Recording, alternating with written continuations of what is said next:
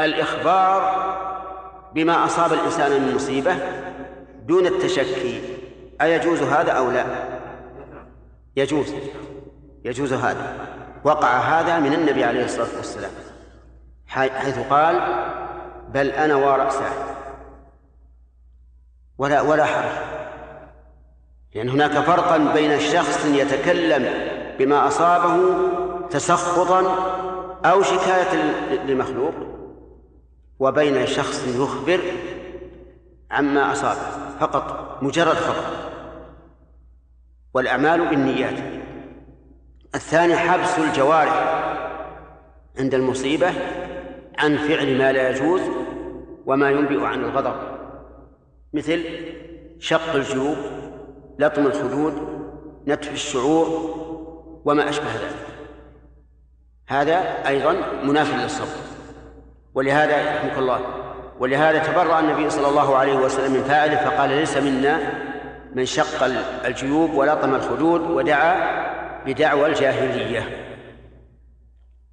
الثالث وهو حبس القلب عن كراهة ما قدر الله عز وجل. وهذا أعظمها وأدقها. قد يرى الإنسان الضعيف المخلوق المملوك المدبر قد يرى أن ربه ظلمه والعياذ بالله دون أن يتكلم ودون أن يفعل لكن قلبه مملوء على الله من السخط ورؤية أن الله تعالى ظلمه أو ما أشبه ذلك. هذا يجب أيضا أن يتخلى القلب عنه وهذا أخطر ما يكون بالنسبة للصبر على الأقدار. اتلوا الله اتلوا قول الله عز وجل ومن الناس من يعبد الله على حرف. حرف يعني طرف. ما هي عبادة؟ راسخ فإن أصابه خير اطمأن به. وإن أصابته فتنة انقلب على وجهه. خسر الدنيا والآخرة. ذلك هو الخسران المبين. وهذا يشمل فتنة المصائب وفتنة الشبهات. من الناس من يؤمن بالله واليوم الآخر لكنه على طرف. إن أصابه خير ولا ناقشه أحد ولا جدله أحد مشي. وإن جاء أحد يشككه يشككه في في هذا الأمر شك. فانقلب على وجهه. خسر الدنيا والآخرة. من الناس أيضا من يكون في نعمة. قد أنعم الله عليه بالأموال والأولاد و وما يحتاج إليه من الدنيا أو يكملها. فأصيب بحادث. أصيب بحادث فقد أهله به. كلهم. من الناس من إذا كان يعبد الله على حرف يسخط على الله. ويكره قضاء الله. كراهة كراهة سخط. مو بكراهة أنه يتمنى أنه لم يصبه لا يتسخط على ربه. وهذا من جهل الإنسان. أنت ملك لمن؟ ملك لله عز وجل. هذا الرب الكريم الذي إذا أصابك بسراء فشكرت أثابك وإن أصابك بضراء فصبرت إيش؟ أثابك كيف تسخط على هذا الرب الكريم؟ وأنت ملكه وعبده يتصرف فيك بما شاء ولو الحكمة فيما فعل. وظيفتك الصبر عند البلاء والشكر عند الرخاء. فالمهم أن الصبر الآن تبين أنه كم؟ ثلاثة أقسام. الأول أعلاها وأتمها وهو الصبر على طاعة الله. الثاني الصبر عن معصية الله والثالث الصبر على أقدار الله. وأفضلها الأول ثم الثاني ثم الثالث. يوسف عليه الصلاة والسلام أصيب. أصيب ببلاء في خلقه وبلاء في جسده صبر على هذا وهذا. دعته امرأة العزيز في مكان مغلق وهي امرأة العزيز عندها من الحلي والزينة وربما الجمال ما ليس عند غيرها وهو فتاها أيضا. ما هو أكبر منها شرفا عندها؟ دعته إلى نفسها في مكان خالي. وهم أن يفعل. لأن النفس البشرية قد يغيب عنها ملاحظة الأمر الربوبية. فهم بها لكن هي السابقة. همت به وهم بها. لكن بعد أن هم رأى برهان الله عز وجل. أراه الله البرهان الآية رؤية كأنها رؤيا عين. فامتنع. وقال رب السجن أحب إلي مما يدعونني إليه. هذا صبر عن إيش؟ عن المعصية وصبر عظيم. فتى شاب مع سيدته الجميلة في مكان لا يطلع عليه أحد ومع هذا كف عنه. وأوذي في جسده حبس سجن لبث في السجن بضع سنين ومع ذلك صبر. حتى إن الملك لما قال ائتوني به أبى أبى أن يخرج حتى تسأل النسوة ماذا حصل ليتبين إيش براءته قبل أن يخرج. وهذا لا شك صبر صبر عظيم. لكن أي الصبرين أعظم؟ الأول الصبر عن المعصية. الصبر عن المعصية لأن السجن حاصل حاصل صبر أو ما صبر وليس باختياره قول الله تعالى لرسوله عليه الصلاة والسلام فاصبر يتضمن أي الأقسام؟ كل الأقسام.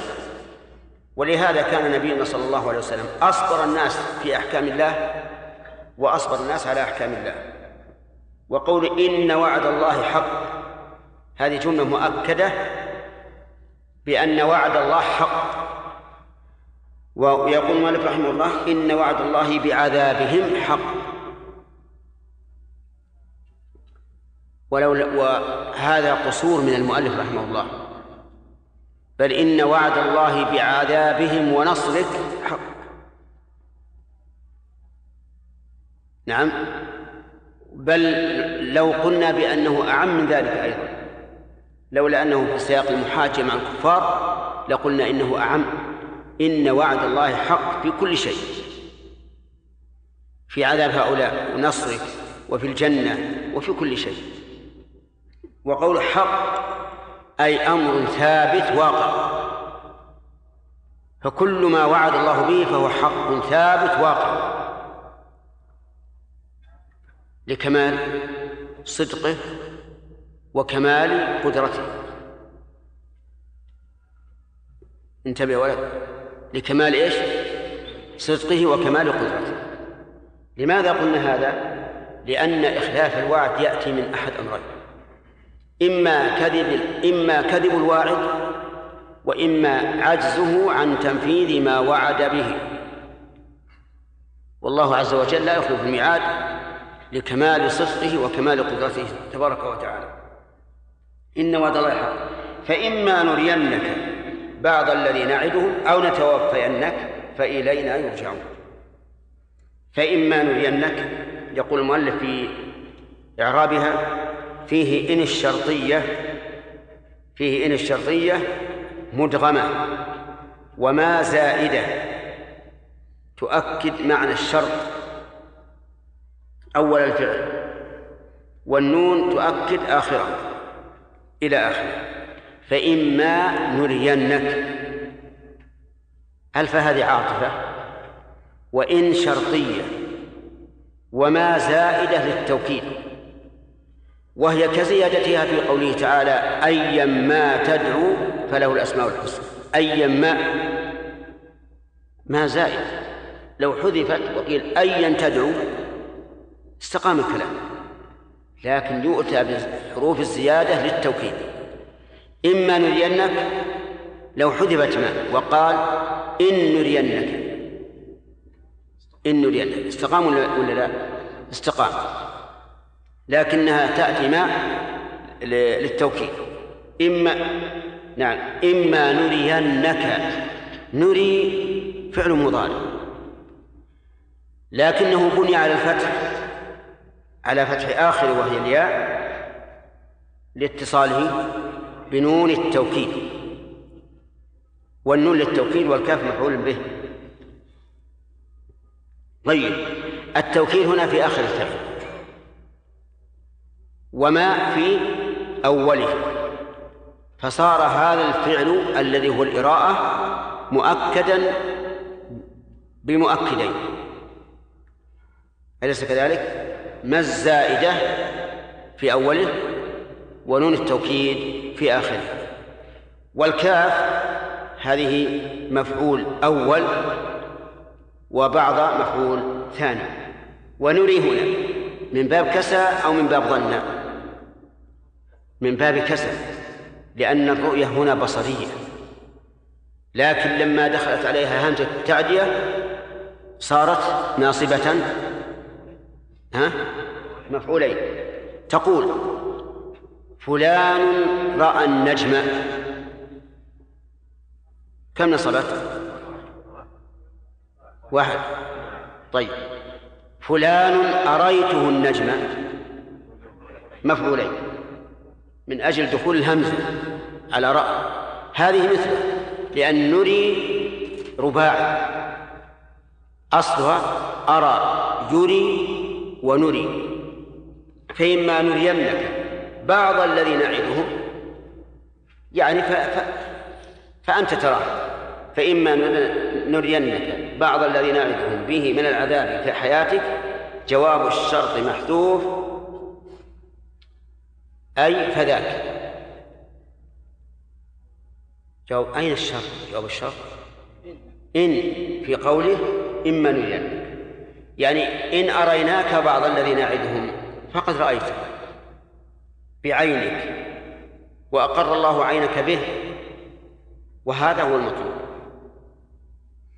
أو نتوفينك يعني قبل أن نرينك فإلينا يرجعون وسنريك به هذا تهديد عظيم. وقول أو, نتوفي أو نتوفينك هذه معطوفة على نرينك. وهي قسيم قوله فإما نرينك يعني إما أن ترى العذاب قبل موتك وإما أن نتوفاك ثم نعذبهم بعد الرجوع إلينا وهذا أشد. فإن عذاب الآخرة أشد وأبقى. ولهذا جاء في الحديث أن الله سبحانه وتعالى إذا أحب شخصا عجل له بالعقوبة في الدنيا. عوقب في الدنيا بماله أو بدنه أو أهله أو مجتمعه. وإلا تركه حتى يوافي به يوم القيامة. نسأل الله أن يقينا وإياكم عذاب الدنيا والآخرة. ويرزقنا العافية. فأو نتوفينك فإلينا يرجعون فنعذبهم أشد العذاب. فالجواب المذكور للمحذوف فقط. أي أين المحذوف؟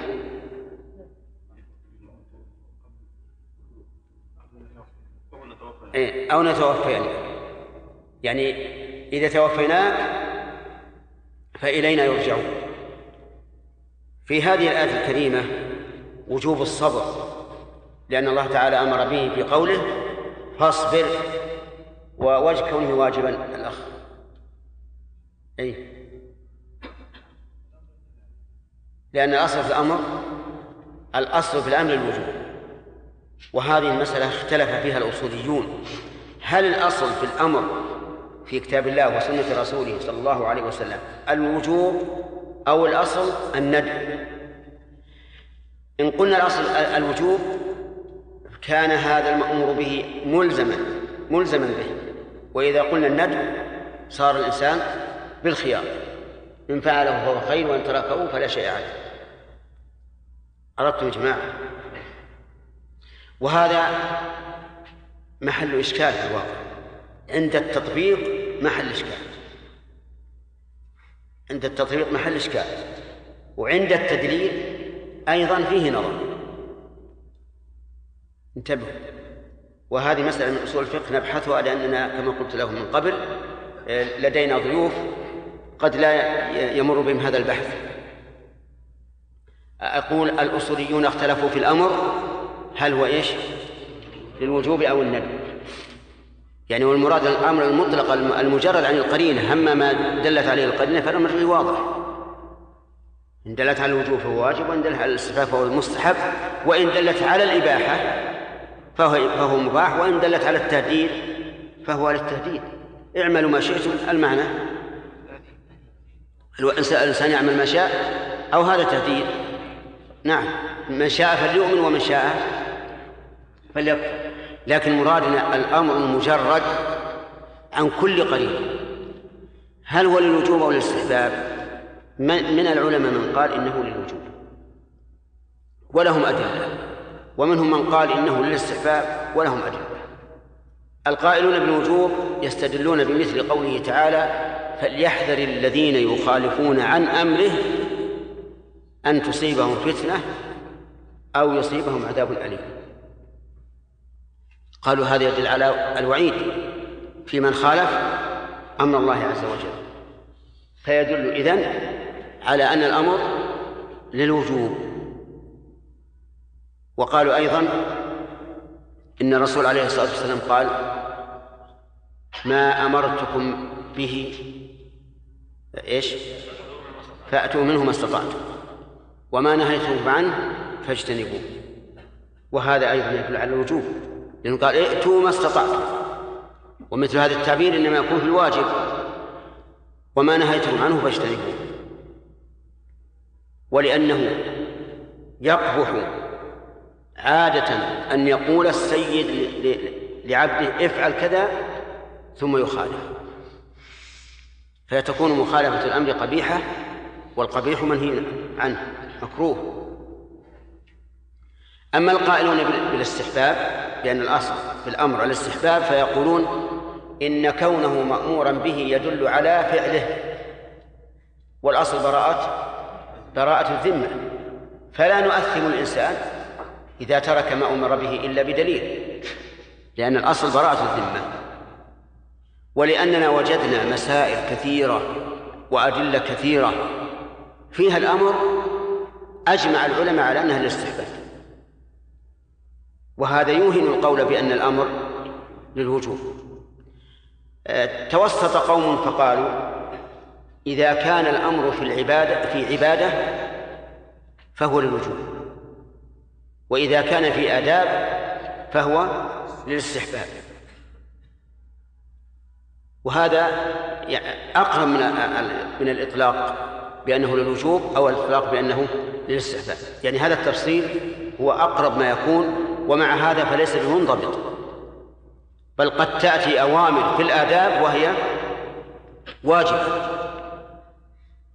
فعلى كل حال نقول الأصل أقرب ما يقال في هذه المسألة أن الأصل في الأوامر في التعبد إيش؟ الوجوب. لأننا خلقنا للعبادة وأمرنا بها فنتعبد. والأصل في الأوامر في غير في غير العبادة كالآداب مثلا نعم. هذا للاستحباب.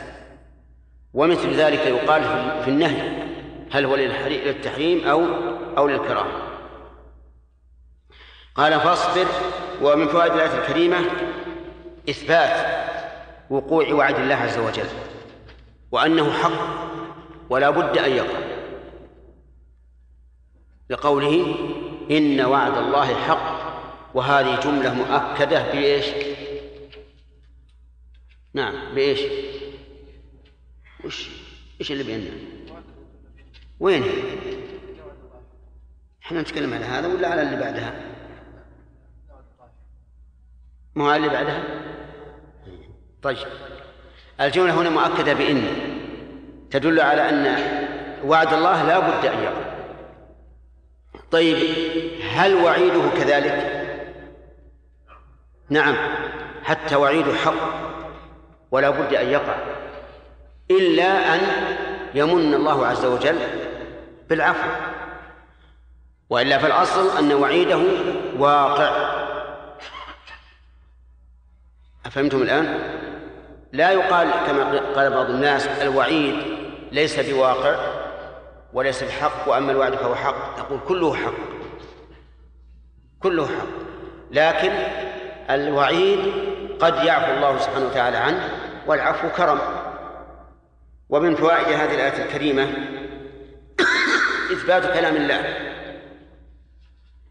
أن الله يتكلم. من أين تؤخذ؟ أظن ما مع الكتاب من أين تؤخذ؟ أي الآية؟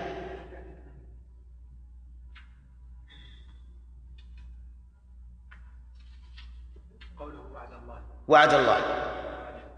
لأن الوعد يكون بالقول. ولا شك أن الله تعالى يتكلم وأنه لا نفاد لكلماته. قال الله تبارك وتعالى قل لو كان البحر مدادا لكلمات ربي إيش؟ لنفد البحر قبل أن تنفد كلمات ربي البحر اسم جنس يعم كل البحار. لنفد البحر قبل أن تنفد كلمات الله. سبحان الله. لو كان حبر يكتب به البحار كلها لنفدت قبل أن تنفد كلمات الله. وقال تعالى ولو أن ما في الأرض من شجرة أقلام. يعني لو أن الذي في الأرض من الشجر كان أقلاما والبحر يمده من بعده سبعة أبحر يعني وكتب بالأقلام بمداد البحر وش قال؟ ما نفدت كلمات الله. وهذا يدل على عظمة الرب عز وجل لأنه مدبر الكون. وإذا أراد أمرا فإنما يقول له كن فيكون ولا منتهى لإرادة الله. طيب وهل قول الله عز وجل قول مسموع؟ يعني بصوت أو أو بلا صوت؟ بصوت.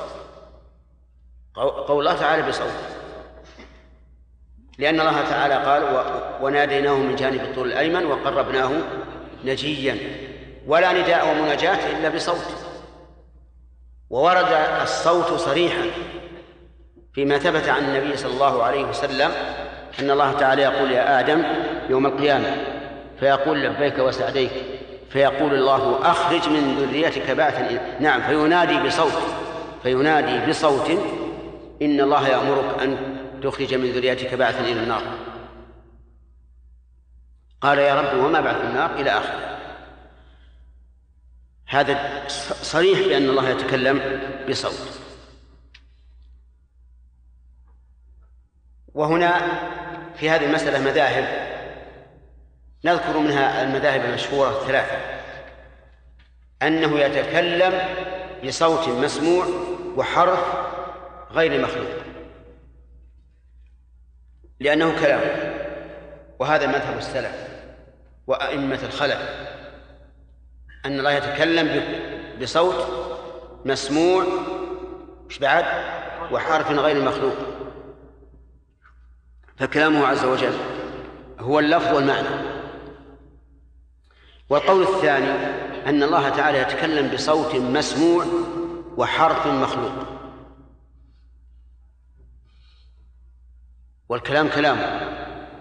وهذا مذهب الجهمية الذين يقولون إن إن القرآن كلام الله لكنه مخلوق لأن كل كلام الله عندهم مخلوق.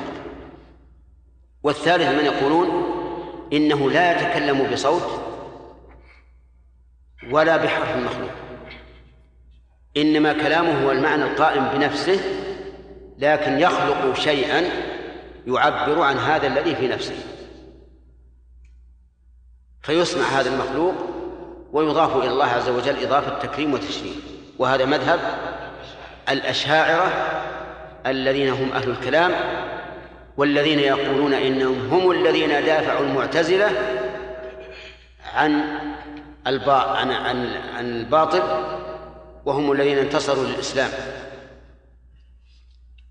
وهم في الحقيقة لا للإسلام انتصروا ولا لحرب الإسلام كسروا بل قد نقول قولهم في الكلام شر من قول الجهمية.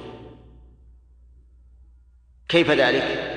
لأنهم اتفقوا على أن ما يسمع من كلام الله مخلوق وعلى أن القرآن مخلوق. صح؟ بلى بلى. لكن الجهمية يقولون مخلوق وهو كلام الله. وهؤلاء يقولون مخلوق وليس كلام الله بل هو عبارة عنه. طيب وين كلام الله؟ قال المعنى الذي قائم بنفسه. والحقيقة أن المعنى القائم بالنفس ليس كلاما وإنما هو علم. علم بما سيخلق من, من كلام فيقول هذا هو كلامه والعجيب أنهم استدلوا بآية وشعر نظم. أما الآية فقالوا إن الله تعالى يقول ويقولون في أنفسهم ما ليس نعم ويقولون في أنفسهم لولا يعذبون الله بما نقول فأثبت القول النفسي. أما الشعر فقالوا إن الشاعر قال إن الكلام لفي الفؤاد وإنما جعل اللسان على الفؤاد دليل. الفؤاد يعني القلب. فنقول لهم أما الآية فلا دلالة فيها لكم بل هي على رؤوسكم. لأن الله تعالى لم يطلق القول بل قيد. فقال ويقولون في أنفسهم وهذا كقول الرسول عليه الصلاة والسلام إن الله تجاوز عن أمتي ما حدثت بها به أنفسها وحديث النفس لا يمكن أن يقال إنه حديث ولا أن يقال إنه قول إلا إلا بقيد إلا بقيد ولهذا لو حذفت في أنفسهم وقيل ويقولون لولا يعذبنا الله فماذا يفهم منه؟ ها؟ كلام اللسان لكن هم بأنفسهم يقدرون يقول الواحد منهم لولا يعذبنا الله بما نقول. إذا ما نقوله حق لأن الله لم يعذبنا. هذا يقدر الإنسان في نفسه. أما الشعر إن الكلام لا في الفؤاد. فهو قول الأخطل الشاعر النصراني. قاله بعد تغير الألسن وعلى فرض أنه موافق فإنه يجب أن يحمل على أن المعنى إن الكلام المعتبر هو ما يقدر أولا في الفؤاد ثم ينطق به اللسان. ولهذا يعتبر الكلام الذي يسبق على اللسان لا يعتبر كلاما ولا يؤخذ به. فالكلام الحقيقي الرصين المعتبر هو الذي يكون اولا في القلب ثم يعبر عنه باللسان. هذا معنى البيت الذي لا يحتمل غيره. اذا نبقي بعض الفوائد إن شاء الله إلى الدرس القادم. نعم. خمس دقائق. أن التسخط القلبي نعم. من أشد الأمور. نعم. هذا الشيخ يقول بعضهم أن هذا أمر خارج عن طاقتي. نعم. أنا أكره هذا لكن اجد في نفسي. نعم. وادافعه مع هذا أجده وأجده. نعم. هناك فرق بين كراهة المقدور وكراهة التقدير. كراهة المقدور من طبيعة الإنسان. كل يكره أن يصاب بأذى. لكن كراهة التقدير هذا هو المراد. أن أن تكره تقدير الله من حيث هو فعل الله. فيولد لك ذلك أنك ربما تبغض الله عز وجل. أعوذ بالله. ربما تبغض الله. وش وش هذا الرب؟ كيف يقدر عليه هذا التقدير؟ أما كراهة المقدور فلا بد منه. كل إنسان يصاب بما لا, بما, بما لا يلائم طبعه سوف يكره هذا الشيء. يا شيخ هذا الكراهة هذه إيه؟ تقع في القلب مع كراهة الإنسان ظاهرا لها ويدافعها لكن يجدها في قلبه. لا ما أظن. لا تفكر إنسان مؤمن يبي يكره ما قدر الله من حيث هو تقدير لله. أبدا لأنه وش ما هو أنت أنت مملوك لله. كيف تكره هذا الشيء؟ هل أنت تذبح بعيرك لتأكله؟ والبعير يكره هذا الشيء. لكنه ملكك فالله عز وجل احذر أن تكره تقديره من حيث هو التقدير. أما من حيث هو مقدور فهذا شيء كما قلت شيء لا بد منه. نعم. أحسن الله إليكم. يعني هل ما وقع آه، في هل ما أراه الله سبحانه وتعالى من للنبي صلى الله عليه وسلم من النصر في غزوة بدر وغيرها؟ يعتبر أنه أراه يعني قبل وفاته. أي نعم. نعم أراه قبل وفاته أشياء كثيرة. نعم. لكن الرسول لكن عز وجل سلى رسوله. قال لابد أن يقع بهم ما ما وعدناه واضح؟ نعم. حميد. يصح ان يقال أن الله سبحانه وتعالى قبل أن يخلق العالم آه، ما كان يتكلم لأنه لم يوجد المخاطب؟ استغفر الله. لا يجوز أن نقول هكذا. نقول إن الله تعالى لم يزل ولا يزال متكلما. وهل يلزم أن يتكلم بم- بمخاطبه المخلوق؟ لا. قد يتكلم يثني على نفسه. قد يتكلم بما يثني به على نفسه. مثل أن يقول أنا الله الواحد الأحد ما أشبه ذلك. كما يقول عز وجل يوم القيامة لمن الملك اليوم ما يجيب أحد. فيقول لله الواحد القهار هل أو يقال ما نقول شيء. نقول الكلام صفة كمال. والله تعالى موصوف بالكمال أزلا وأبدا. فلا اصبر يا جماعة. انتبهوا للجواب الجواب مفيد للجميع. لا ينشغل أحدكم بما يريد أن أن يسأل عنه. ويشغلني أيضا إذا قام يرفع يده. ال- الكلام صفة كمال. وإذا كان كذلك فإن الله لم يزل موصوفا به. ولا يلزم من هذا أن يكون هناك مخاطب. أي نعم. وكذلك الأفعال. فالذين مثلا أثاروا مسألة التسلسل وما أشبه ذلك هم بعيدون عن النصوص. في الواقع وإلا لو علموا أن الله تعالى لم يزل ولا يزال فعالا وأنه لم يكن في وقت من الأوقات مع- مع- معطلا عن الفعل ولا يلزم من الفعل المفعول. أليس كذلك؟ حتى فينا نحن لا يلزم من فعلنا أن يكون هناك مفعول. قد يتحرك الإنسان ولا ولا ينتج شيئا. لكن الفعل يقال لا يمكن أن- يمر على الله تعالى زمان من الأزمنة وهو معطل عن الفعل. لأنه أما أن يقال تعطيل هذا تعطل هذا عن عجز أو عن غير عجز. فإن قلنا عن عجز فهذا بلية. وإن قلنا عن عن غير عجز نقول ما الذي يمنعه؟ إذا فالتسلسل ليس بممنوع في الماضي. كما أنه ليس ممنوعا في المستقبل. مع أني أنا أكره أن أن يتكلم الناس بهذا ل- لأنه كلام لا فائدة منه. ولم يكن السلف يخوضون به لكن جاءونا أهل الكلام ودخلونا في هذه المعمعة وصار ما كان. نعم.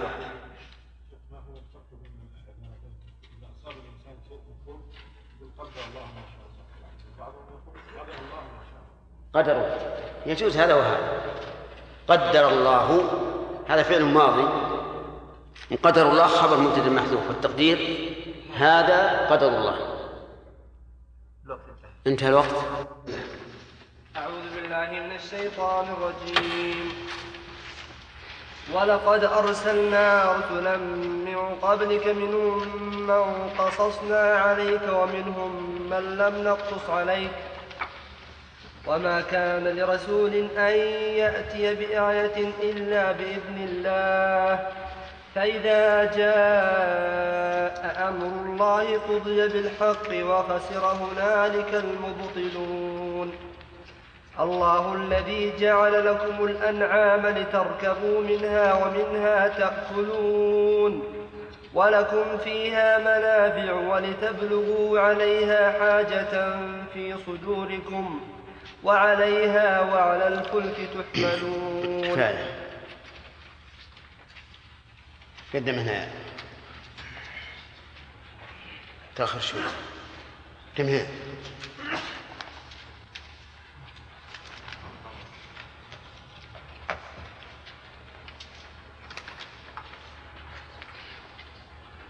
أعوذ بالله من الشيطان الرجيم. قال الله تعالى ولقد أرسلنا رسلا من قبلك منهم من قصصنا عليك ومنهم من لم نقصص عليك أظن انتهى الفوائد أمس ها؟ كيف؟ فاصبر إن وضع الحق ما كملنا الفوائد؟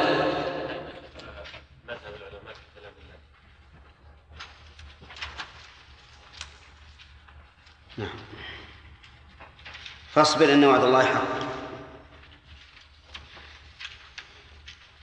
من فوائد الآية الكريمة أن وعد الله حق ثابت لا بد أن يقع. وهو كذلك. وقد صرح الله بذلك في قوله إن الله لا يخلف الميعاد. ومن فوائد الآية الكريمة تهديد هؤلاء المكذبين للرسول عليه الصلاة والسلام بأحد أمرين. إما بعقوبة عاجلة قبل أن يتوفى وإما بعقوبة آجلة في يوم القيامة. لقوله فإما نرينك بعض الذين نعدهم أو نتوفينك فإلينا يرجعون. ومن فوائد هذه الآية الكريمة أن مرجع الأمور كلها إلى الله وليست في اختيار أحد فهو الذي يقدر من هذا. ها؟ فهو الذي يقدر ما شاء سواء في الدنيا أو في الآخرة لقوله فإما نرينك بعض الذي نعدهم أو نتوفينك ومنها أن عذاب العدو يشفي غليل عدوه. لقوله فإما نرينك بعض الذي نعدهم فإن الإنسان إذا رأى عذاب الله تعالى لعدوه فلا شك أنه أنه يشفي غليله. ومن فوائدها أنه لا بأس أن نفرح إذا أصاب الله عدونا بمصيبة. لأن الظاهر أن قوله تعالى فإما نرينك بعض الذي نعدهم لأجل أن تقر عينه بذلك. فإذا أصيب أعداؤنا بخسف أو صواعق أو فيضانات أو ما أشبه ذلك وفرحنا بهذا فلا لوم علينا. لأنهم أعداؤنا يفرحون بما يصيبنا فالجزاء من جنس العمل. ومنها إثبات رجوع الخلق إلى الله لقوله فإلينا يرجعون وهذا عام في كل شيء في الأحوال والأوقات وفي كل شيء المرجع إلى الله وحده. ثم قال عز وجل ولقد أرسلنا رسلا من قبلك منهم من قصصنا عليك ومنهم من لم أنا أجد فجوة هناك.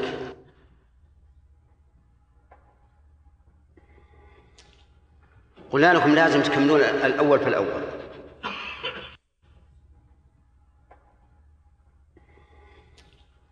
قلنا لكم لازم تكملون الأول فالأول لأن العلم إذا لم يكن الناس متقاربين ما يستفيد الإنسان من هذا إلا قليلا. ولقد أرسلنا رسلا من قبلك منهم من قصصنا عليك إلى آخره. الجملة هذه مؤكدة بثلاثة مؤكدات اللام وقد والقسم والقسم المحذوف. والتقدير والله لقد أرسلنا رسلا من قبلك. والرسول هو بشر يوحى إليه بشرع ويؤمر بتبليغه. ولهذا سمي رسولا أي مدفوعا من قبل الله عز وجل ليبلغ. وأما النبي فإنه من أوحي إليه فإنه بشر أوحي إليه بشرع ولكن لم يكلف بتبليغه بمعنى أنه يجدد شرع من قبله إن كان قبله رسول حتى يحيي همم الناس فيقتدوا به. وإذا لم يحتج الناس إلى رسول لم يصل إليهم أحد فإن آدم عليه الصلاة والسلام كان نبيا ولم يكن رسولا. هو نبي يتعبد بالله تعالى بما أوحاه الله إليه ولكن لم يرسل لأن الناس لم يختلفوا بعد. كما قال تعالى كان الناس أمة واحدة فبعث الله النبيين مبشرين ومنذرين. أين صاحب؟ تعال يا ابن تقدم هنا. كان الناس أمة واحدة فبعث الله النبيين مبشرين ومنذرين وأنزل معهم الكتاب بالحق ليحكم بين الناس فيما اختلفوا فيه.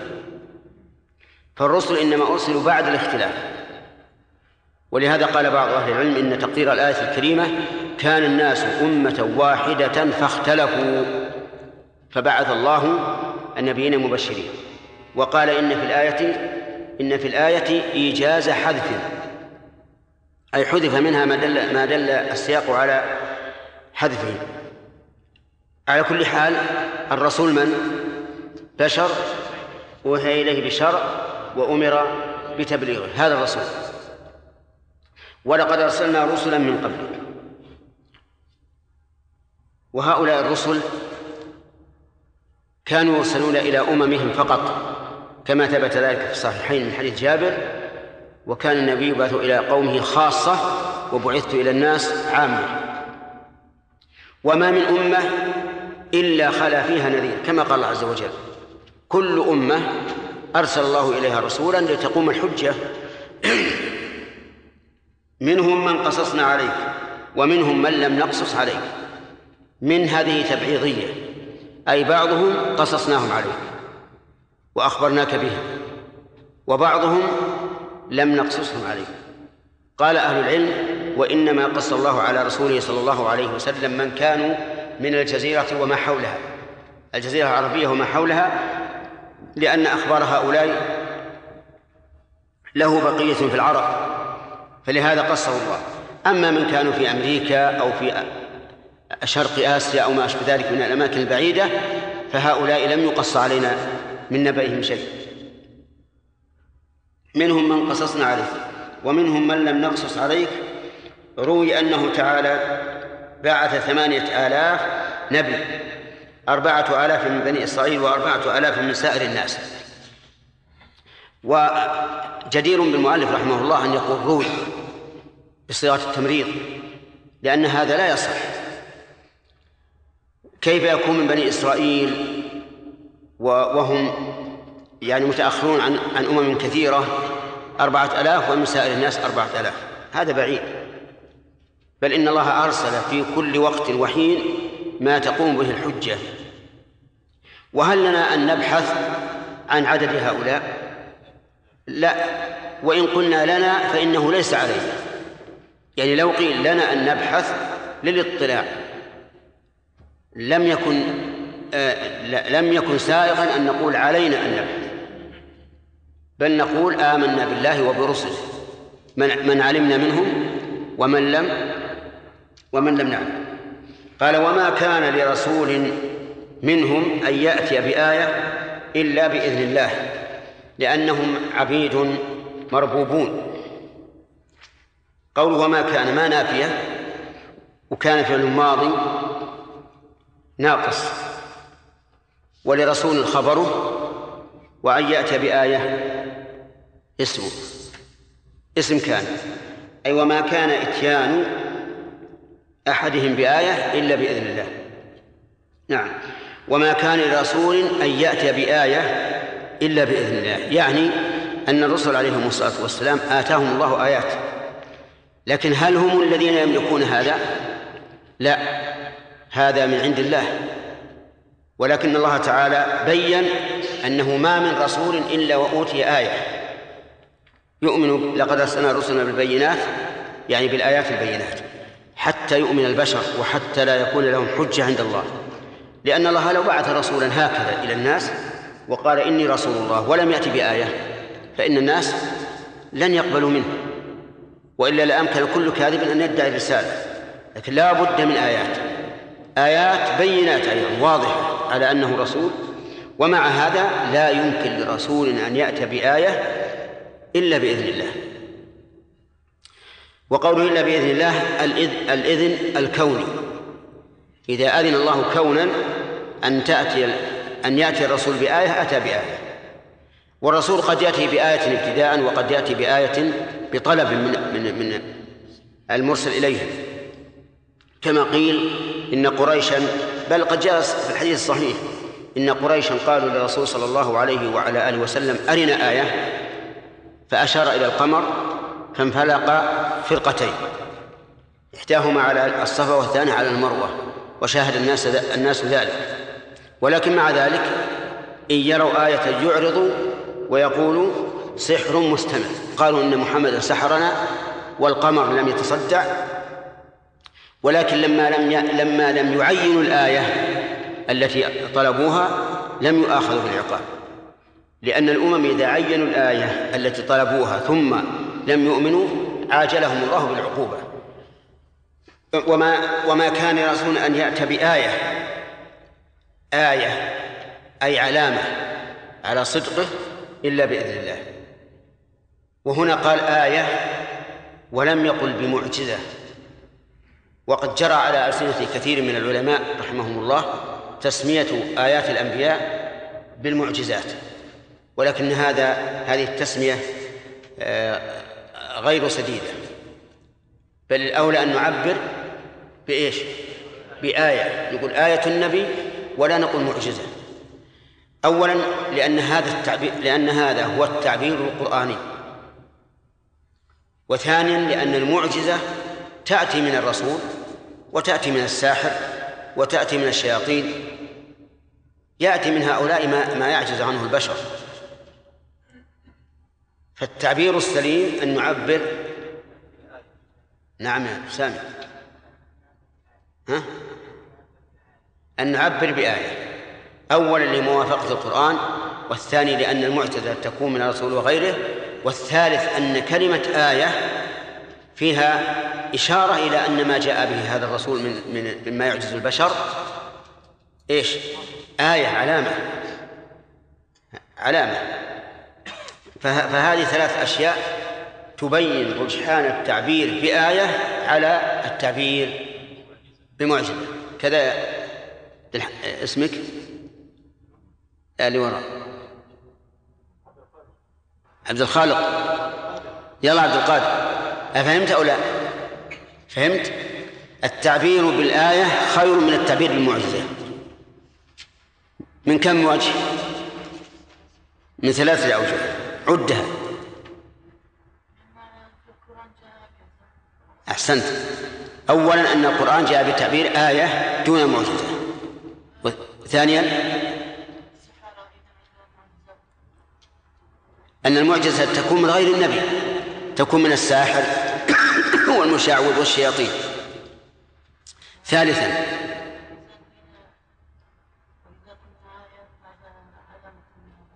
أحسنت أنه ليس المقصود مجرد الإعجاز المقصود أن تكون علامة على صدق النبي. وما كان إلا بإذن الله قال الله عز وجل و فإذا جاء أمر الله فإذا جاء أمر الله بنزول العذاب على الكفار قضي بين قضي بين الرسل ومكذبيها بالحق وخسر هنالك المبطلون. أي ظهر القضاء والخسران والخسران والخسران للناس وهم خاسرون في كل وقت في كل وقت قبل ذلك. إذا جاء أمر الله أمر الله تعالى الكوني لأن أمر الله ينقسم إلى قسمين كوني وشرعي كما سنذكر إن شاء الله. آه، فإذا جاء أمر الله بماذا؟ بنزول العذاب على الكافرين ونزول النصر للرسل وأتباعه. قضي بالحق والقاضي هو الله عز وجل وحذف الفاعل هنا للعلم به. لأن الله تعالى هو الذي يقضي بالحق. كما قال تعالى والله يقضي بالحق والذين يدعون من دونه لا يقضون بشيء ويحذف الفاعل أحيانا للعلم به كما في قوله وخلق الإنسان ضعيفا وكما في هذه الآية. وقد يقال إنه حذف الفاعل هنا للتعميم ليكون القاضي هو الله وكذلك القاضي بالحق هم الرسل وأتباعهم. لأنهم قضوا بالحق بالانتصار على عدوهم. لكن الأول أولى أن يكون الفاعل واحدا ولكن حذف للعلم به. قضي بالحق وخسر هنالك المبطلون. هنا خسر الخسران فوات الربح وهنا إشارة اسم إشارة للمكان. اسم إشارة للمكان. والمراد به, به الزمان ولهذا قال المؤلف في كل وقت. المعنى خسر في ذلك الوقت المبطلون فإذا قال قائل ألستم تقولون إن هنا إشارة للمكان؟ قلنا بلى. لكن قد تستعار إشارة للزمان. واللام في قول هنالك للبعد. والكاف حرف خطاب. المبطلون أي الذين وقعوا في الباطل. لأن القضاء بالحق يقتضي زوال الباطل. وإذا زال الباطل خسر أهله. والباطل ضد الحق. ويفسر في كل موضع بحسبه. فالباطل في الكلام الخبري ما الكذب. والباطل في الحكم إيش؟ الجور والباطل في المعاملة الغش وما أشبه ذلك. المهم أن الباطل يفسر في كل موضع بحسبه. وقوله قول المؤلف وهم خاسرون في كل وقت احترازا من الإشارة في قوله هنالك لئلا يظن الظان أنهم خاسرون حين نزول العذاب فقط. مع أنهم خاسرون كل وقت. وقد يقال لا حاجة إلى ذلك. يعني لا حاجة إلى ما قال المؤلف. لأن المقصود وخسر هنالك أي ظهر ظهرت خسارتهم وبانت. لأنهم قبل أن أن يؤتوا بالعذاب ربما يقول القائل إنهم ربحوا. كما قال أبو سفيان في يوم أحد قال يوم بيوم بدر والحرب سجال فظن أنه في ذلك أنه ربح في ذلك اليوم. فالأولى أن تبقى الآية على ظاهرها وألا يستدرك القرآن. فيقال خسر هنالك أي ظهر خسرانهم وبان. أما خسرانهم قبل نزول العذاب فهو ليس ببين إذ قد يقول القائل إنهم يربحون فيما إذا أدالهم الله تعالى على الإسلام إدالة غير مستقرة لأنه لا يجوز لنا أن نعتقد بأن الله يديل الكفر على الإسلام إدالة مستقرة بل من ظن بالله هذا فقد ظن به ظن السوء. لكن الله يقول تلك الأيام نداولها بين الناس. من فوائد هذه الآية الكريمة أولا إثبات الرسل السابقين. لقوله ولقد أرسلنا رسلا من قبلك. ومن فوائدها عدل الله عز وجل في عباده حيث لم يعاقبهم إلا بعد إرسال الرسل وتكذيب هؤلاء القوم الذين أرسل إليهم. ومن ومن فوائد الآية الكريمة الإشارة إلى أنه لا رسول بعد بعد محمد. لقوله ولقد أرسلنا رسلا من قبلك ولم يقل سنرسل. وهذه الفائدة في الواقع ليست بتلك القوية. يعني ما أخذها من الآية لولا الواقع ما أخذناه من الآية. لأن الله إنما يتحدث عن شيء مضى. وقول ومن فوائد الآية الكريمة أن من الرسل من قصهم الله على محمد صلى الله عليه وعلى آله وسلم ومنهم من لم يقصه. لقوله منهم من قصصنا عليك ومنهم من لم نقصص عليك. ومن فوائد الآية الكريمة أن أن الله تعالى يتكلم. يعني إثبات كلام الله. لقول الطاهر منهم من قصصنا. والقص في الأصل تتبع الأثر وأما في الكلام فهو ذكر أخبار من سلف. وهذا يدل على أن الله يتكلم عز وجل وهذا هو ما دل عليه الكتاب والسنة وإجماع السلف.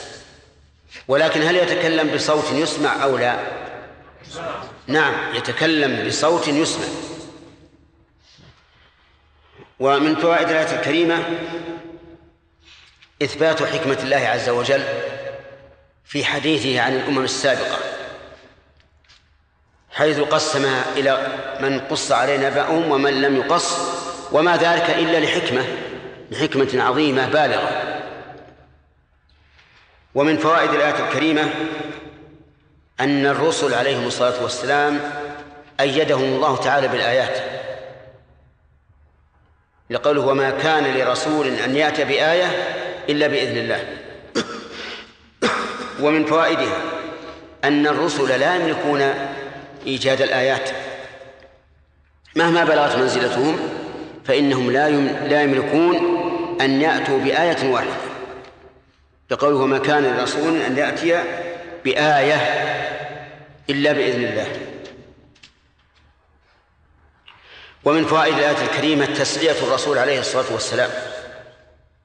فإن الكفار يطلبون منه آيات. ولكن الله تعالى يقول وقالوا لولا أنزل عليه آيات من ربه قل إنما الآيات عند الله. يسلي الرسول عليه الصلاة والسلام. وأن هذا الأمر ليس إليك. بل هو إلى الله. إذا شاء أن يؤتيك آية آتاك وإلا فهو الحكيم. ومن فوائد الآية الكريمة إثبات الإذن لله, عز وجل. والإذن نوعان. الإذن نوعان. إذن شرعي وإذن كوني. فالإذن الكوني ما يتعلق بالمخلوقات وإيجادها وإعدامها وتغييرها وما أشبه هذا. والإذن الشرعي ما يتعلق بالمشروعات. فلننظر إلى قوله تعالى قل آه الله أذن لكم أم على الله تفترون. شرعي. ولا يصح أن يكون كونيا لأن نعلم أنه إذا فعلوه فقد أذن الله فيه. وقوله تعالى أم لهم شركاء شرعوا لهم من الدين ما لم يأذن به الله. شرعي؟ شرعي. كان الشرعي في المثال الأول. نعم. كذلك هنا. شرعوا لهم من الدين ما لم يأذن به الله. هنا أي لم يأذن به شرعا. ولا يجوز أن يكون إذنا كونيا لأنه وقع. فقد أذن الله تعالى فيما شرع هؤلاء إذنا كونيا. وقال الله تعالى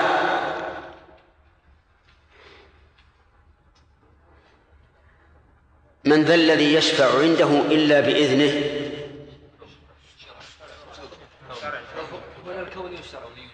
كيف كوني شرعي؟ ما يخالف هو يوم القيامة لكنه أين الشرع؟ الشفاعة يطلب من الله عز وجل أن يخفف العذاب عن شخص أو آه، أو ما أشبه ذلك أو يرفع درجاته وهذا إذن كوني. إذن كوني. نعم لا شك. ومن فوائد هذه هذه الآية إثبات أفعال الله الاختيارية. يعني أن الله تعالى قد يحدث من أمره ما شاء. لقوله فإذا جاء أمر الله. وإذا هنا شرطية للماضي أو للمستقبل أو للحاضر. عجيب. للمستقبل. إذن الأمر لم يأتي بعد. وهذا يدل على أن أن أن الله سبحانه وتعالى متصف بالأفعال الاختيارية خلافا للأشاعرة ونحوهم الذين قالوا إن إن الله تعالى لا يوصف بالأفعال الاختيارية. كيف يوصف بالأفعال الاختيارية؟ إذا قلنا يوصف قالوا هذا يقتضي أحد أمرين. يقتضي أحد أمرين. إما أن يكون الله حادثا إما أن يكون الله حادثا وإما أن يكون ناقصا. أما كونه يستلزم أن يكون الله حادثا فلأن الحوادث لا تقوم إلا بحادث. فإذا أثبتتم أن الحوادث تقوم به لزمكم أن يكون الله حادثا. لأن الحوادث لا تقوم إلا بحادث. هذه واحدة أما النقص فنقول إذا كان هذا الفعل الذي فعله الآن كمالا فلماذا لم لم يتصف به من قبل؟ إذا كان كمالا فلماذا يحدث بعد أن لم يكن؟ لماذا لم يتصف به من قبل؟ وإن لم يكن كمالا فهو نقص يجب أن ينزه الله عنه. أفهمتم؟ وهذا لا شك أنه تلبيس. أما الأول فقولهم إن الحوادث لا تقوم إلا بحادث نقول من أين أتاكم هذا؟ أم من جيوبكم؟ أم من آرائكم الفاسدة؟ من قال إن الحوادث لا تقوم إلا بحادث؟ الحوادث منا الآن تحدث وقبل أن أن تكون. ونحن سابقون عليها فكذلك ما يحدثه الله عز وجل يحدثه وهو سابق عليه. وسبقه أزلي. فدعواكم هذه باطلة. تحتاج إلى إيش؟ إلى دليل ولا دليل بل الدليل على نقلها وأما قولكم إن كان كمالا فلماذا لم يتصف به من قبل وإن لم يكن كمالا فهو نقص فيجب نفيه. نقول هذا أيضا باطل. لأننا نقول إن فعل الله الذي يحدثه هو كمال حال إحداثه وليس كمالا حال عدمه لأن الله تعالى متصف بالكمال ففي حال عدمه لا يكون كمالا وفي حال وجوده يكون هو هو الكمال وهذا واضح. فعل الإنسان وهو الإنسان أحيانا يكون مناسبا وفي محله وأحيانا يكون غير مناسب. وتكون الحكمة أن لا يفعل. وبذلك نعرف أن الرجوع إلى العقل فيما يتعلق بالله إيش؟ باطل وضلال. لأن العقل قد يزل وقد يهم فالرجوع إلى الله إلى فيما يتعلق بالله عز وجل إلى الكتاب والسنة. لا ثالث له. اللهم إلا أن يقال إجماع السلف أيضا يرجع إليه فيكون مصدر التلقي في العقيدة وفيما يتعلق بذات الله عز وجل وأسمائه وصفاته ثلاثة القرآن والسنة وإجماع السلف. لكننا نقول لا حاجة إلى قول إجماع السلف لأن إجماع السلف لا يكون إلا عن كتاب أو سنة. طيب من فوائد الآية الكريمة تهديد هؤلاء المشرك المشرك المشركين الذين كذبوا الرسول عليه الصلاة والسلام. لقوله فإذا جاء أمر الله قضى بالحق. ووجه التهديد أن علماء البلاغة يقولون إن إذا تفيد وقوع الشرط في المستقبل. كما إذا قلت لك إذا جاء زيد فأكرمه. تفهم من هذا أن زيدا سوف يأتي. لكنه بشرط يعني متأخر. بخلاف إن. فإن إن شرطية لكن للمحتمل. إن جاء زيد فأكرمه هل مجيئه محقق؟ لا. لكن إذا جاء فأكرمه يكون المجيء محققا لكنه مربوط بزمن مستقبل. هذه إذا جاء أمر الله يفيد أن أمر الله لا بد أن يأتي أن يأتي. ومن فوائد طيب أمر الله. أمر الله ينقسم إلى قسمين. كوني وشرعي. فقوله تعالى إن الله يأمركم أن تؤدوا الأمانات إلى أهلها. شرعي ولا كوني؟ ها. لماذا لا يكون كونيا؟ نعم لأنه لو كان كونيا لكان كل الناس يؤدون الأمانة إلى أهلها. إذن هو شرع إذا قضى أمرا فإنما يقول له كن فيكون. كوني. فصار الأمر أي الآن يكون كونيا ويكون شرعيا. ومن فوائد هذا هذه الآية الكريمة أن ما قضى الله تعالى من عقاب أو عذاب فإنه حق. لقوله قضي بالحق. وعلى هذا فينتفي بذلك أن يكون الله تعالى ظالما لمن عاقبه. فإن قال قائل أليست العقوبة تنزل بالأمة وفيهم الصالحون؟ الجواب بلى. تنزل العقوبة على الأمة وفيهم الصالحون. لكنها تكون عقوبة على المسيء ورفعة درجات وتكفير سيئات على إيش؟ على الصالح. ولهذا لما قالت إحدى أمهات المؤمنين أنهلك وفينا الصالحون؟ قال نعم إذا كثر الخبث. فإذا غلب الخبث على الطيب حلت العقوبة بالجميع.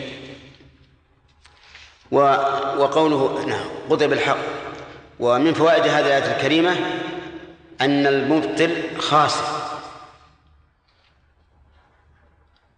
إذا نزل به العذاب بقوله إيش؟ خسر هنالك المبطلون. وإذا كان المبطل خاسرا فالمصلح رابحا. نعم أنا أخذتها إذا كان المبطل خاسرا فالمصلح رابح. ولهذا قال تعالى وما كان ربك ليهلك القرى بظلم وأهلها مصلحون. ولهذا إذا كان إذا كان الله إذا كان الأهل مصلحون فإن الله لا يهلك الأمة.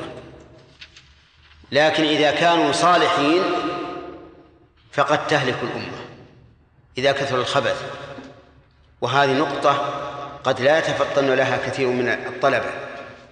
انتفاء الإهلاك متى؟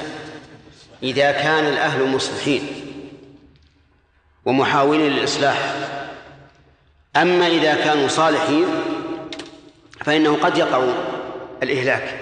إذا كثر إذا كثر الخبث. أما مع الإصلاح ولو كثر الخبث ما دام ما دام ما دامت الأمة تحاول الإصلاح وتسعى به فإنها لن تهلك. وهذه نقطة كما قلت لكم قد لا يتفطن لها كثير من الناس.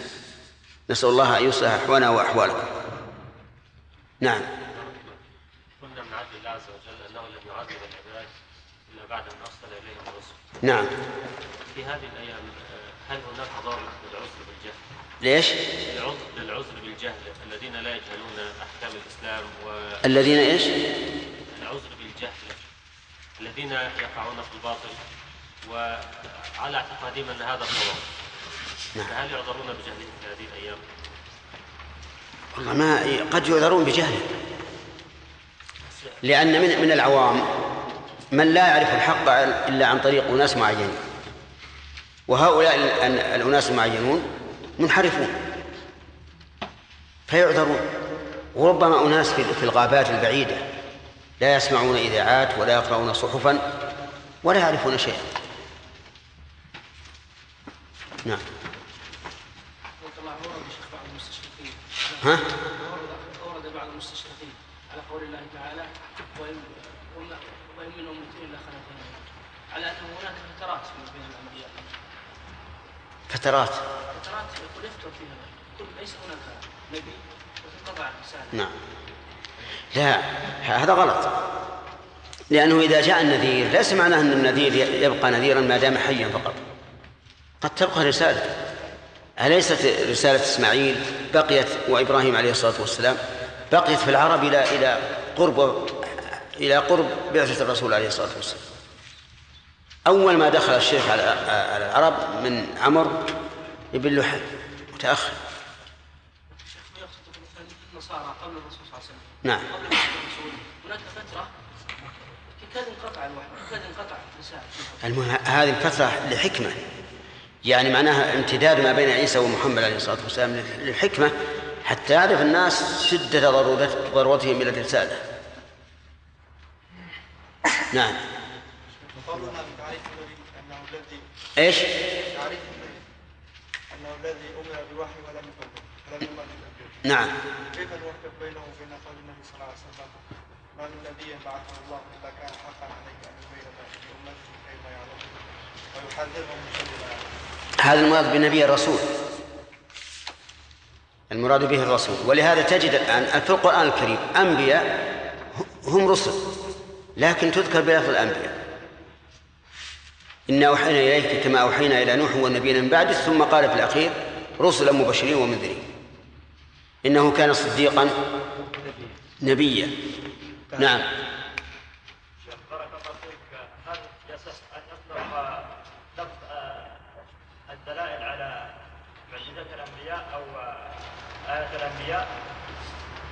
هل إيش؟ هل يصح أن نطلق آه، لفظة الدلائل على ايات الأنبياء؟ أي. أي نعم. لأن الدليل ما يهدي إلى غيره. ولهذا يسمى الرجل الذي يدلك الطريق يسمى هاديا.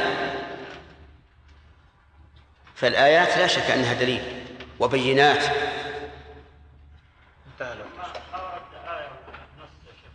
آية إيش؟ هل ورد يعني النص أو آه، ان الايات تسمى دلائل مثل المعجزات يا شيخ قلنا لا لا تصح ان نطلقها على ايات الانبياء إحنا نقول الآية دليل. الآية دليل. واللغة مترادفة. فما دام اللفظ مرادف للآخر ولا يت- يتضمن محذورا ما ليس فيما مانع أن نعبر به. نعم. هل في دليل على عدد الأنبياء والرسل؟ في حديث أبي ذر أن أنهم كانوا أربعة وعشرين ألفا منهم ثلاثمائة وبضعة عشر رجلا رسول والباقي أنبياء. لكن حديث بعض العلماء قال أنه غير صحيح.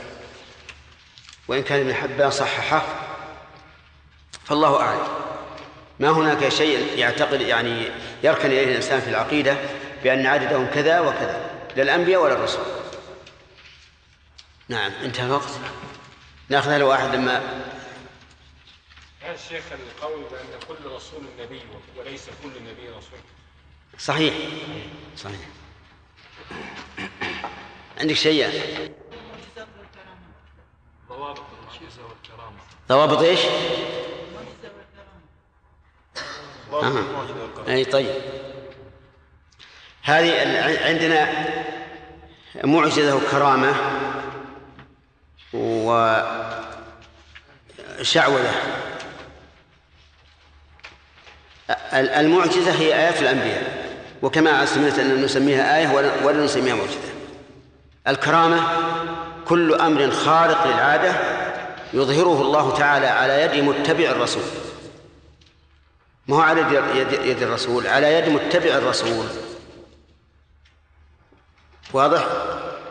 أما السحر والشعوذة فهو كل خارق للعادة يظهر على يد مخالف الرسول. أفهمت؟ وقد أنكرت المعتزلة الكرامات. وقالت لو أن أثبتنا الكرامات لاشتبه النبي بالولي والولي بالساحر. فيقال هذا مغالطة لأن النبي يقول إنه نبي والذي ظهرت الكرامة على يده يقول إنه ولي وليس بنبي. والساحر ليس نبيا ولا وليا معروف بأنه فاسق مخالف للشرع. فلا فلا يمكن أن يكون التباس. بسم الله من الشيطان الرجيم. الله الذي جعل لكم الأنعام لتركبوا منها ومنها تأكلون. ولكم فيها منافع ولتبلغوا عليها حاجة في صدوركم. وعليها وعلى الفلك تحملون. أعوذ بالله من الشيطان الرجيم. قال الله تبارك وتعالى الله الذي جعل لكم الأنعام. قيل الإبل الخاصة هنا والظاهر والبقر والغنم. الله الذي جعل لكم الأنعام جعل أي سيرها مسخرة لكم. والجعل هنا جعل كوني لأن الجعل المضاف إلى الله عز وجل يكون كونا ويكون قدرا يعني يكون جعلا كونيا ويكون جعلا قدريا شرعيا. ففي قوله تعالى ما جعل الله من بحيرة ولا سائبة ولا وصيلة ولا حام هذا الجعل شرعي. وفي قوله تعالى وجعلناكم أكثر نفيرا هذا جعل كوني.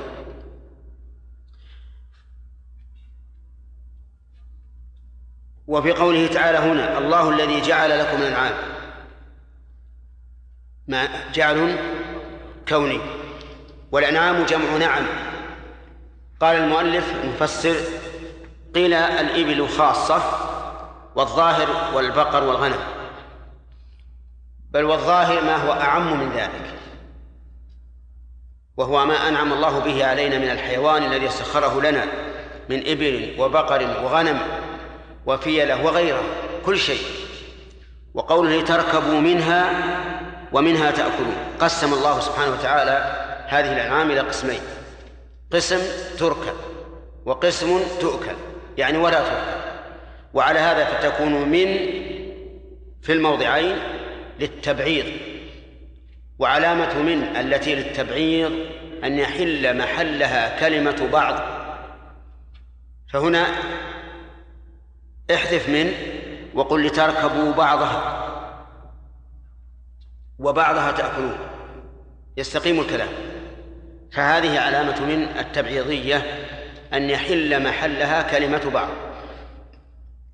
وقوله منها ومنها تأكلون. هذا التقسيم لا يعني الانقسام بمعنى أنه يمكن أن يوجد من الأنعام ما يؤكل وما يركب. مثل الإبل فإنها تؤكل وتركب.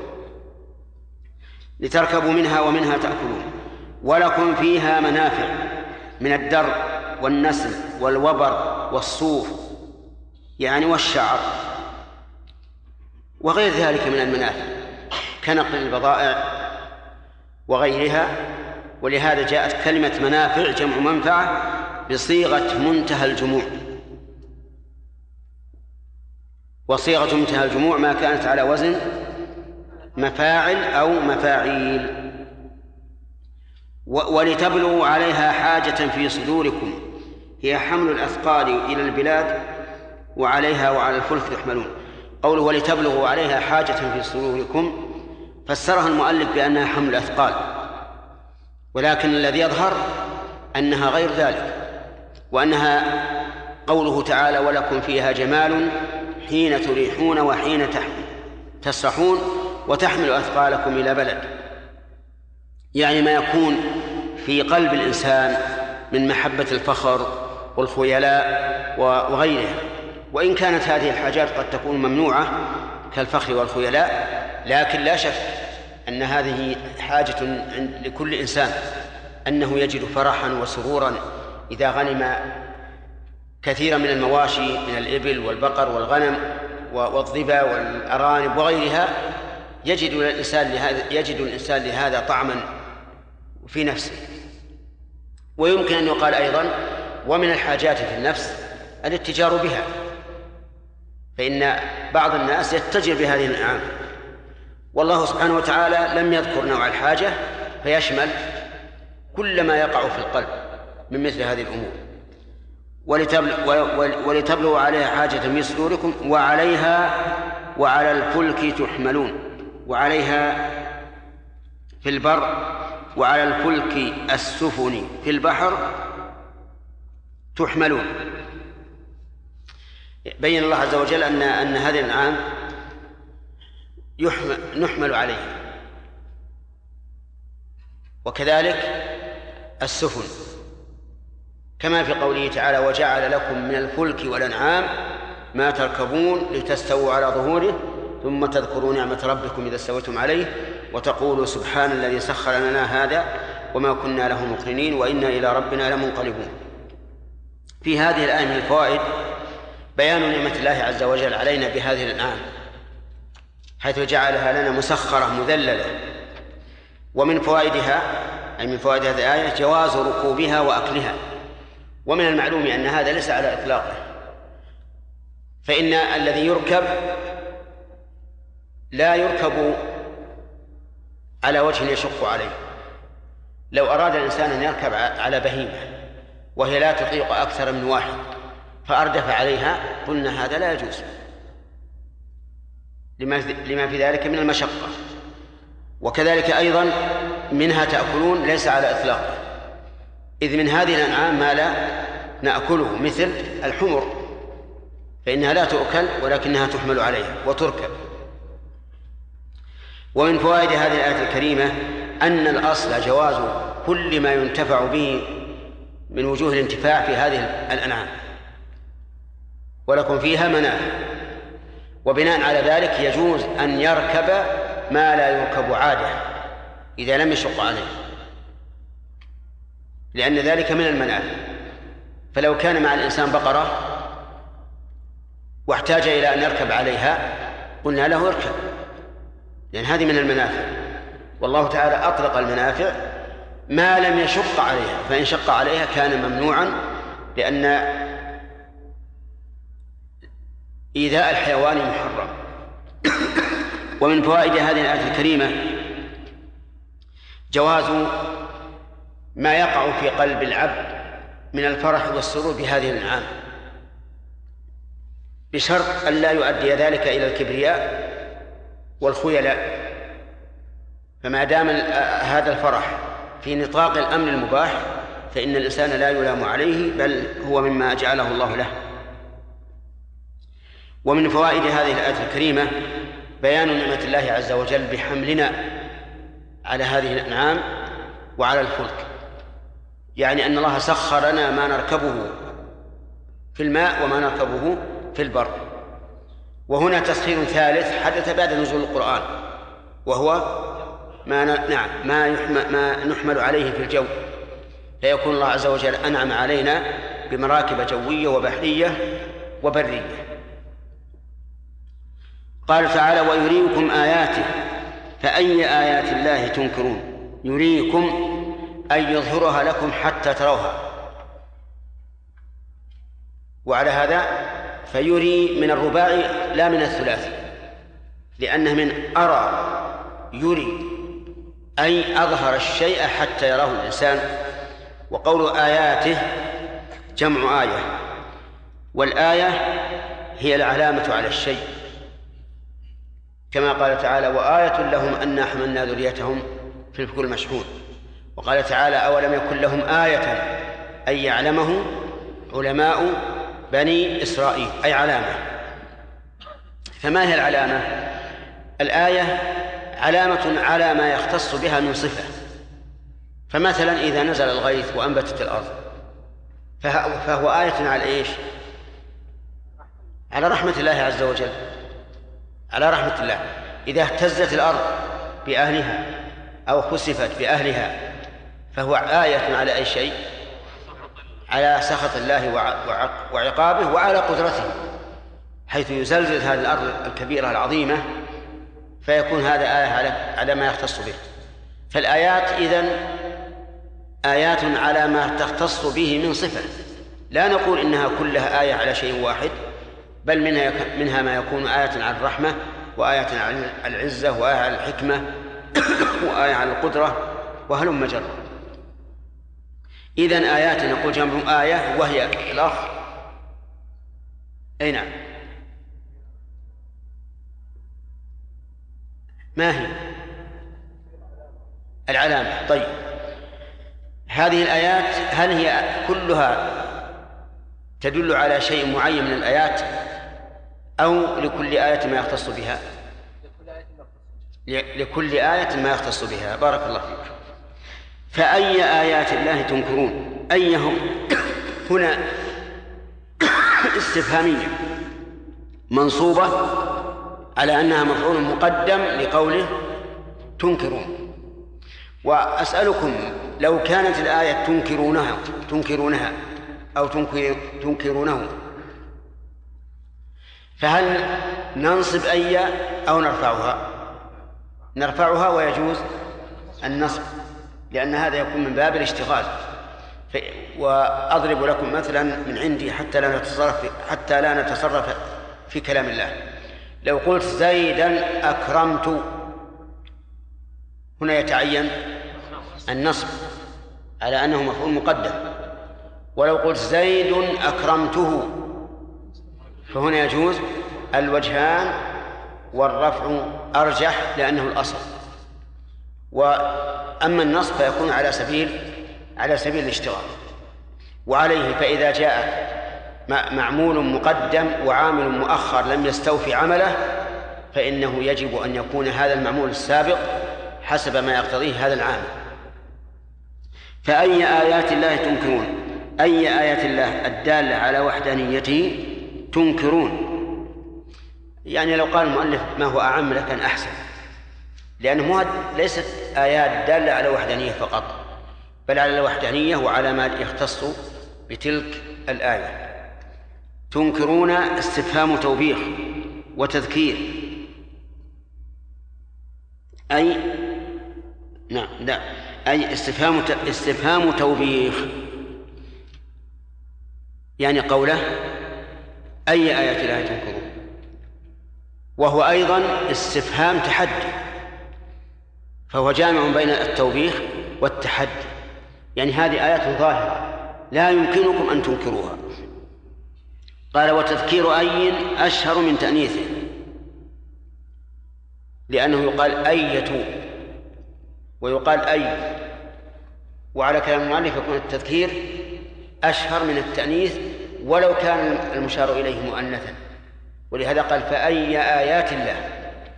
وآيات مؤنث. ولم يقل فأية آيات الله. لكن في غير القرآن لو قيل فأية آيات آيات الله لكان هذا سائغا إلا أنه مرجوح. من فوائد هذه الآية الكريمة نعمة الله سبحانه وتعالى على عباده بإراءتهم الآيات الدالة عليه. ولو شاء الله لأخفى عنا ذلك ووكلنا إلى ما في نفوسنا وفطرنا ولكن من رحمته أنه يظهر الآيات. حتى يكون هذا عونا على ما في الفطرة من معرفة آيات الله عز وجل. ومن فوائد الآية الكريمة جواز تحدي الإنسان بما يعترف به لولا الجحد لقوله فأي آيات الله تنكرون؟ وهل تعرف أن أحدا جحد الآيات مع تيقنه بها؟ من؟ سؤال واحد الواحد ها؟ وغيره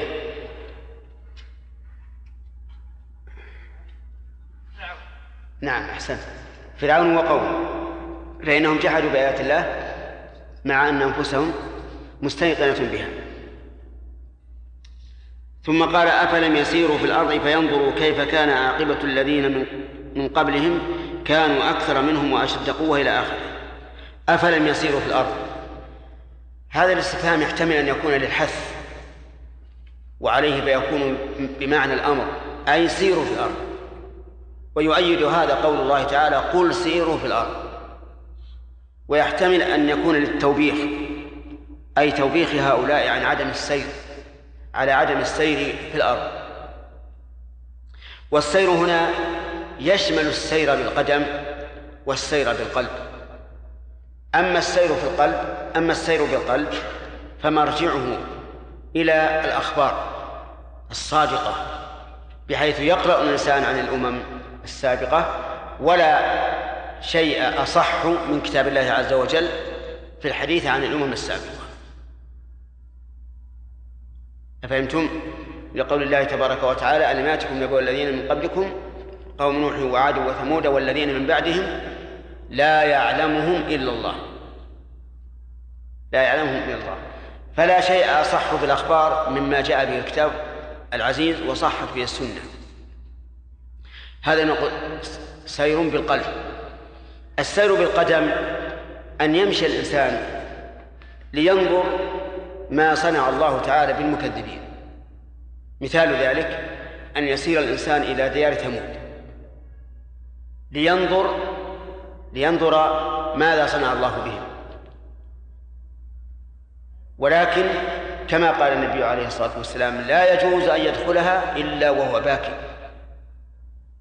إلا وهو باك خوف أن يصيبهم ما أصاب أن يصيبه ما أصاب هؤلاء المكذبين. وأما من ذهب إليها للتنزل والفرجة فإن ذلك لا يجوز.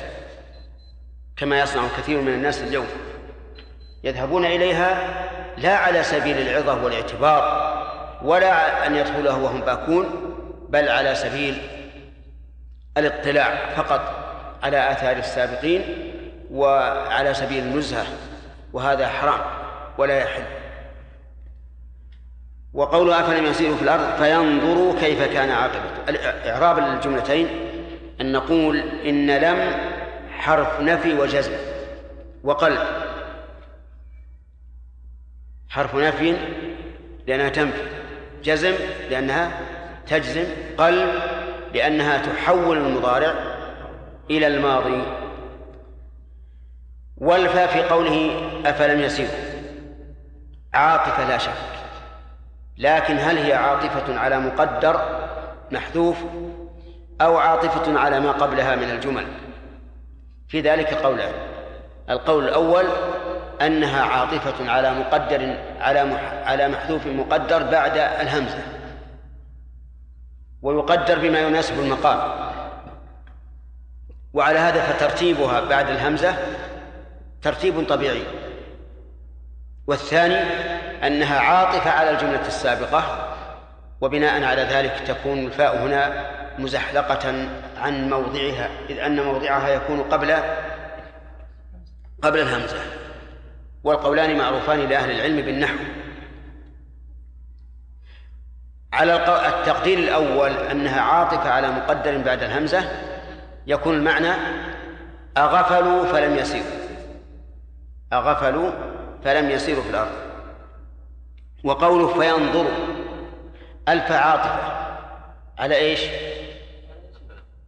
على يسير. وعلى هذا يكون المعنى أفلم يسيروا فلم ينظروا. ويحتمل أن تكون منصوبة بعد فاء السببية. أي انتفى سيرهم ف نعم. أي انتفى سيرهم فينظروا. كما تقول لم تزرني فأكرمك. وما أشبه ذلك من الكلام. وقول كيف كان عاقبة الذين من قبلهم؟ كيف هذه اسم استفهام؟